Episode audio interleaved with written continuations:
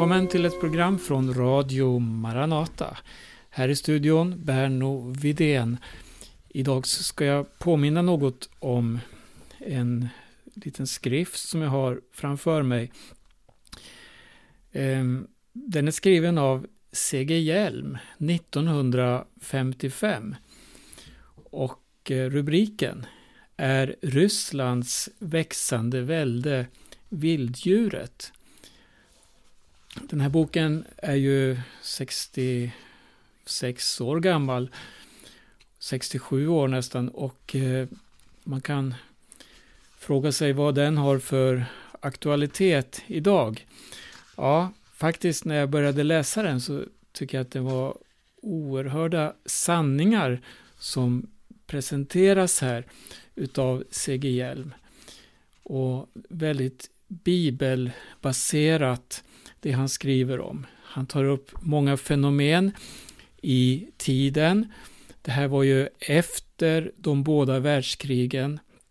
Och det var alltså mitten på 50-talet då det var så oerhört många omvälvningar också i världen. Och den här kapprustningen också mellan stormakterna. Och vid den här tidpunkten så var ju Ryssland då den eh, andra största stormakten i världen. Att jag överhuvudtaget tog fram den här boken just nu, det har ju att göra med det som sker, det som händer i Ukraina först och främst. Ett stycke som eh, eh, C.G. Hjelm själv då citerar ifrån en annan författare. Det var uttalanden som samma år 1955 gjorts av Lord John Boyd Orr. Han var chef för Förenta Nationernas livsmedelsorganisation. Och han har också belönats med Nobelpriset i fred 1949 och han skrev en bok som heter Den vite mannens dilemma. Och då skriver han så här. Vi befinner oss i slutet av en epok. Efter ett tredje världskrig kommer civilisationen ej att kunna repa sig. Världens maktvakuum har fyllts av USA och USSR Sovjet har i ännu högre grad vidgat sitt inflytande i öster. Sovjet är övertygat om att USA måste slås ner och USA menar likadant om Sovjet. Den vite mannen befinner sig i det svåraste läge. Skall han slå ned kommunismen med våld blir detta den västerländska civilisationens undergång skall han dela med sig av sina egna resurser för att hjälpa de underutvecklade länderna sjunker den vite mannens standard och han mister själv övertaget. Och det vill han inte.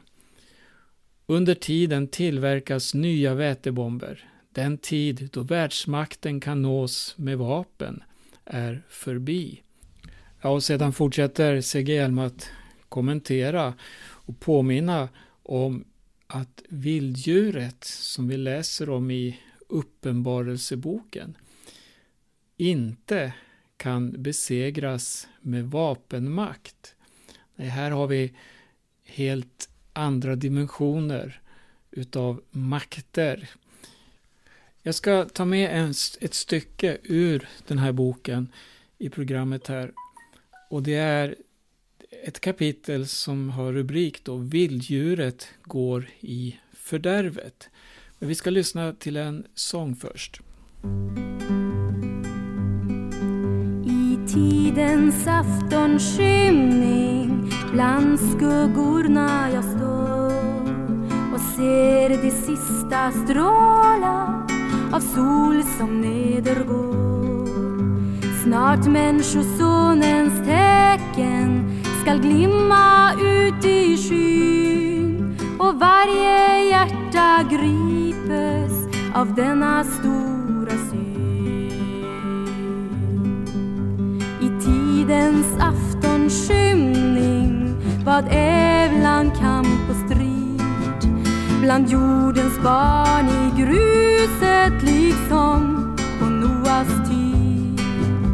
Man bygger och planterar till köpenskap man går och sorglös hop ej aktar den dom som förestår. I tidens aftonskymning till krig rustas vilt och många tusen redan sitt blod Men nack, det är blott början till födslosmärtan vår då hämndens vassa lie de stora skaror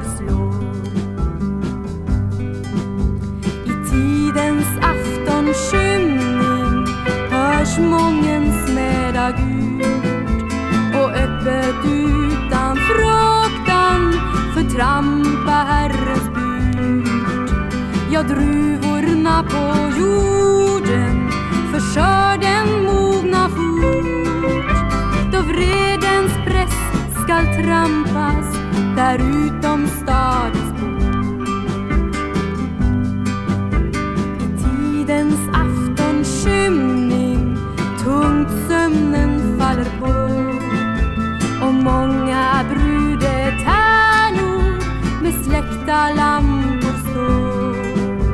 när Människosonen kommer som han har sagt förut och månne han skall finna på jorden tro till slut. Kristina Imsen sjöng sången I tidens aftonskymning. Den här skriften då som jag har skriven av C.G. Hjelm, vi ska komma ihåg att den skrevs under 50-talet. Det var ju också under den tid då det kom ut andra skrifter som eh, hade profetiskt innehåll som varnade för just dessa krigstider som vi nu ser äga rum i vår närhet. Och eh, mycket kanske var färgat av den tiden, av tänkesättet, av politiken och så vidare. C.G. Hjelm, han, är, han är, skriver också då om just de händelser som äger rum under 50-talet. Han lyfter också fram historia om eh, liknande händelser mellan världskrigen, mellan första och andra världskrigen. Och, men något som han gör som jag tror är väldigt viktigt att lyfta fram, det är det här att vilddjuret, som Uppenbarelseboken talar om, alltså den här eh, globala, totala makten som ska ha sitt grepp då över världens invånare.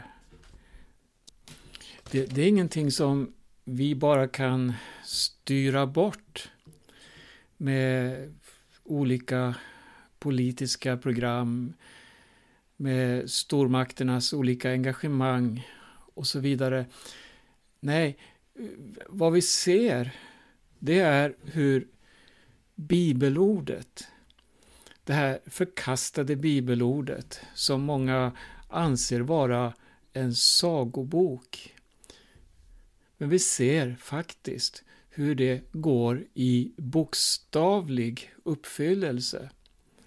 Det finns ingen annan bok som är så kritiserad och som har fått genomgå så mycket eh, analyser och eh, den har prövats fram och tillbaka och vi ser hur bibelordet med alla dess vittnen som har skrivit och hur bok efter bok harmoniserar och målar upp, ja, målar upp faktiskt hela mänsklighetens historia på ett sätt. Men inte bara det, utan den talar också samstämmigt från början, alltså från de tidigaste skrifterna i Bibeln fram till Uppenbarelseboken så finns det ett samstämmigt budskap som vittnar om en och samma sak. Hur det kommer att vara på jorden vid tidens slut. Och inte bara tidens slut, utan inför Jesu tillkommelse. Det talas om vilddjuret, det talas om en global makt, det talas om krig och farsotor, det talas om alla dessa plågor som ska drabba jorden. Och det här är förutsagt. Men det finns ett budskap som är så viktigt att vi håller fast vid. Jag tänker på eh, ett radioprogram som gick här i Radio Maranata eh, bara för några dagar sedan. Det var Yngve Stenfeldt. Han talade just om hur viktigt det är att, att bevara besinningen. Att inte vara besinningslös och förlora fotfästet i allt som händer, att dras med då åt ena eller andra hållet. Nej, det går som en röd tråd genom historien och också som en, ett fast ankare, vad som än händer. Öst eller väst kan reagera på olika sätt, men det finns ett ankare, det finns en trygg bas och ett ord som kommer att gå i fullbordan. Det är Guds ord. Och grunden är Jesus Kristus. Och det är det budskapet som han har gett oss, som är mänsklighetens hopp, som är framtiden. För att Jesus, han är konung, konung över ett rike som är av evighet och som aldrig någonsin kommer att vackla. Nu, ska jag läsa ett avslutande kapitel i, i den här boken då. Eh, titeln är alltså Är Rysslands växande välde vilddjuret? utav C.G. Hjelm. Och han skriver så här. Inget namn i historien har djupare innebörd än Harmageddon. Liksom Gog och Magog går igen från urgamla tider stiger Harmageddon upp ur Gamla testamentets fjärran liggande händelser och flyger med en komets olycksbådande flammor rakt igenom Uppenbarelsebokens dramatiskt hopade scener. Inför slutuppgörelsen mellan draken och lammet, vilddjuret och det heliga kommer detta urgamla namn Harmageddon fram. Johannes tecknar i skälvande iver detta namn Harmageddon med den upplysningen att det på hebreiska heter så. Därmed menar han att det är en israelitisk hemlighet som göms i detta namn och nu blir uppenbar för all världen. Få bibliska namn har samlat så mycket olika fantasi omkring sig som Harmageddon. Ett formligt frossande i olika föreställningar har förekommit. Hela böcker har skrivits om saken. Sen fortsätter C.G. Hjelmer och skriver om hur eh, eh, kampen om oljan spelar in här. Och han skriver om Persien, USA och Ryssland, arabstaterna och just Israels eh, position och läge i allt detta. Ryssland leker leken, skriver han här. Och så fortsätter jag läsa. Med väldiga landarméer, stampande i tunga stövlar så att marken darrar vandrade fram i historiens lugn, egen lugna lunk. De kommer som en oräknelig flock av gamar som med tidens långsamma dåsighet har suttit och väntat med oändligt tålamod på denna stund. Dit åteln är, dit församlar sig örnarna. Och jag hinner inte läsa allt här, jag måste gå vidare framåt. Men han ger en bild här och kopplar ihop dem med händelser i Uppenbarelseboken. Nu ska vi läsa här igen. De gudlösa med all sin stolta makt möter motstånd från Gud själv. De göra den förtvivlade upptäckten att de strida mot den allsvåldige. Västerns veka ynglingar sjunka samman i den bleka döden, läsande sina sista böner. Ett fragment av den kristendom som var satt på avskrivning i nöjenas, fritänkeriets och avkristningens västerland. Konsekvenser läser vi om här. Ett avkristningens västerland. Det här är ju historia idag. Sverige är världens mest sekulariserade land, trots sin historia av bibliska genomgående folkväckelser som har lyft det här landet från eh, misär, från försupna hem. Men man vänder idag sin hjälpare ryggen och motarbetar evangelium, motarbetar Guds ord i skolor, på arbetsplatser, i kulturen, ja, rakt igenom samhället. Hör här, nu handlar det om Israel. Vi läser vidare. Israel tränges upp som en liten övergiven skara i sluttningen av Galgata, sökande med förtvivlade blickar sin enda räddning från höjden. En liten hop av kristna som följt lammet vart det gick väntar i födslovåndans sista plågor förlossningen från himlen. Då rämnar Oljeberget. Då glänser med tiotusen solars glans Människosonens tecken över Harmageddons röda slagfält.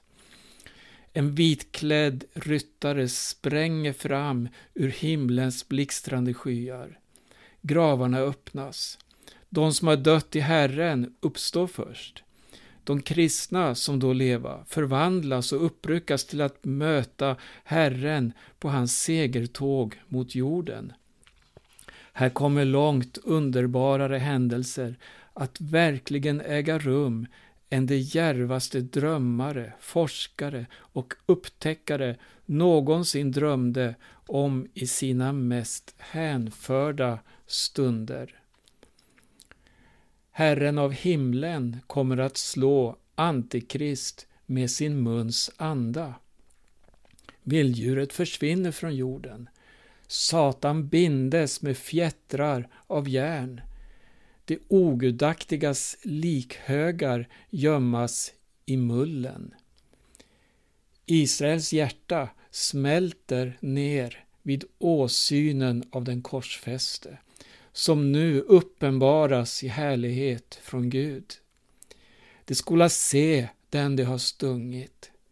Historien har nått sitt mål. Israel erkänner Jesus som Messias, som sätter sig på sin tron för att såsom herdekonungen skilja folkslagen åt och giva varje nation dess rätta plats.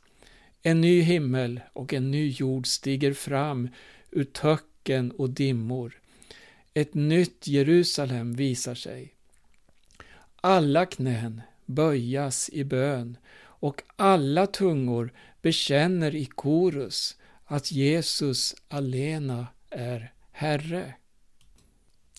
Sedan står det så här. Ett nytt Jerusalem behärskar en ny jord. Det gamla Babylon har fallit. Bibeln och historiens störste visionär, aposteln Johannes, har skrivit litteraturens mest detaljerade sorgekväde därom. Ty världen förgås och dess lusta och härlighet med den, men Herrens ord förbliver evinnerligen. Sen återges här det som handlar om Babylons fall, om världsrikernas fall. Och vad representerar Babylon? Ja, läs Uppenbarelseboken kapitel 18.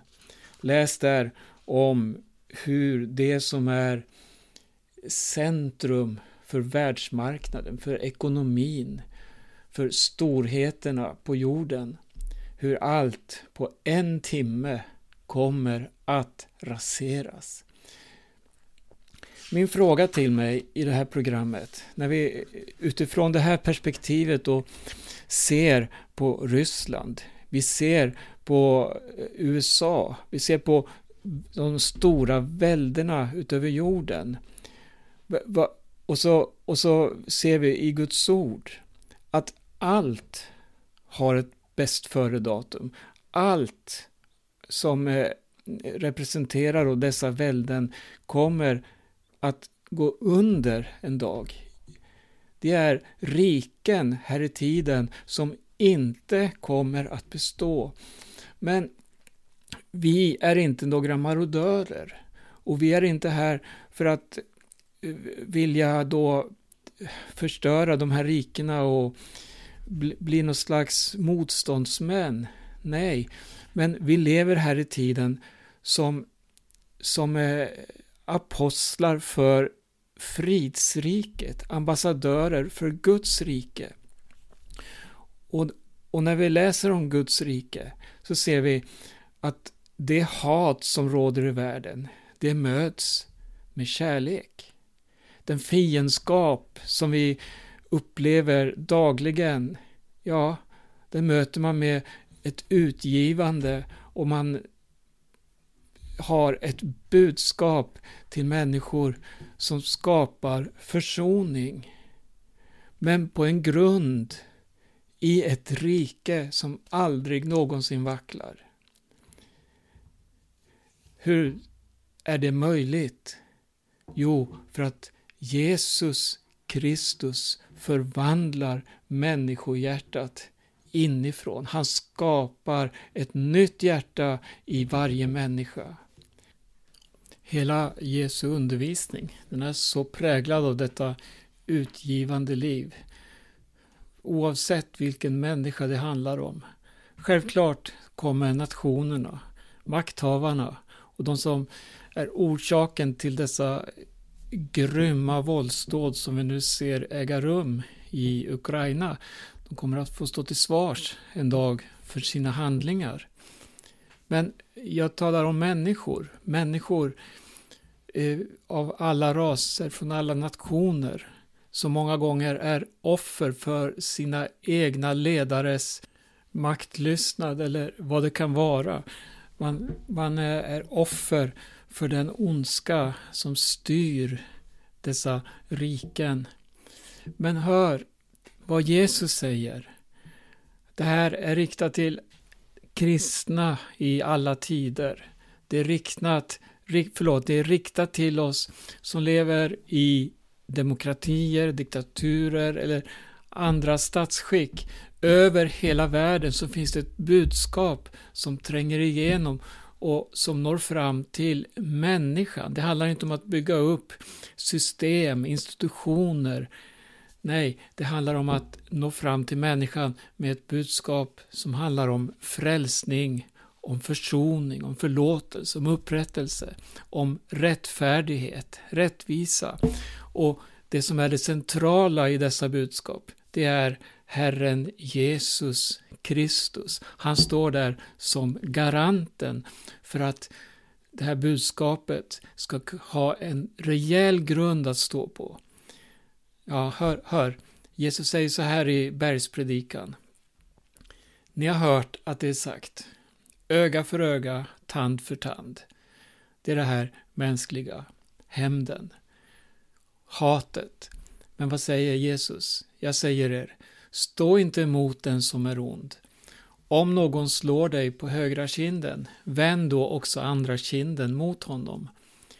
Om någon vill dra dig inför rätta och ta din tunika, så låt honom få manteln också. Om någon tvingar dig att gå med en mil, så gå två mil med honom. Ge åt den som ber dig och vänd dig inte bort från den som vill låna av dig. Ni har hört att det är sagt, du ska älska din nästa och hata din fiende. Jag säger er, älska era fiender och be för dem som förföljer er. Då är ni er himmelske fars barn, för han låter sin sol gå upp över onda och goda och låter det regna över rättfärdiga och orättfärdiga. För om ni älskar dem som älskar er, vilken lön får ni för det? Gör inte tullendrivare det också? Och om ni bara hälsar på era bröder, vad gör ni för märkvärdigt med det? Gör inte hedningar det också? Var alltså fullkomlig, så som er himmelske far är fullkomlig. Det här budskapet av Jesus kan vara väldigt svårt att applicera på de många svåra situationer man hamnar i. Men återigen, jag bortser från systemen, jag bortser från statsskicken, från eh, den här ondskan som går ut då ifrån dessa högsäten och skickar människor in i omöjliga situationer, in i fördärvet, ut att döda varandra. Nej, men budskapet här, det skär igenom och det sträcker sig till människan i sin litenhet, i sitt fördärv och i sin fångenskap under det som i grund och botten handlar om synden och dess konsekvenser. Låt oss fortsätta att frimodigt förmedla Jesu budskap till mänskligheten, till våra medvandrare som finns runt omkring oss. Låt oss fortsätta att räcka ut vår hand för att ta emot flyktingen, för att dela vårt bröd med den som inte har och så vidare. Och ständigt ha Jesus i fokus, Jesus i centrum. Ett ord om honom, ett ord om frälsning, ett ord om det rike som han representerar. Det är evangelium och det är en framkomlig väg. Och det är också vår bön i denna svåra konflikt som nu råder, där hela världen på ett eller annat sätt är inblandad. Hela världen är i den ondes våld. Men hör vad Jesus sa där också. Var vid gott mod. Jag har övervunnit världen.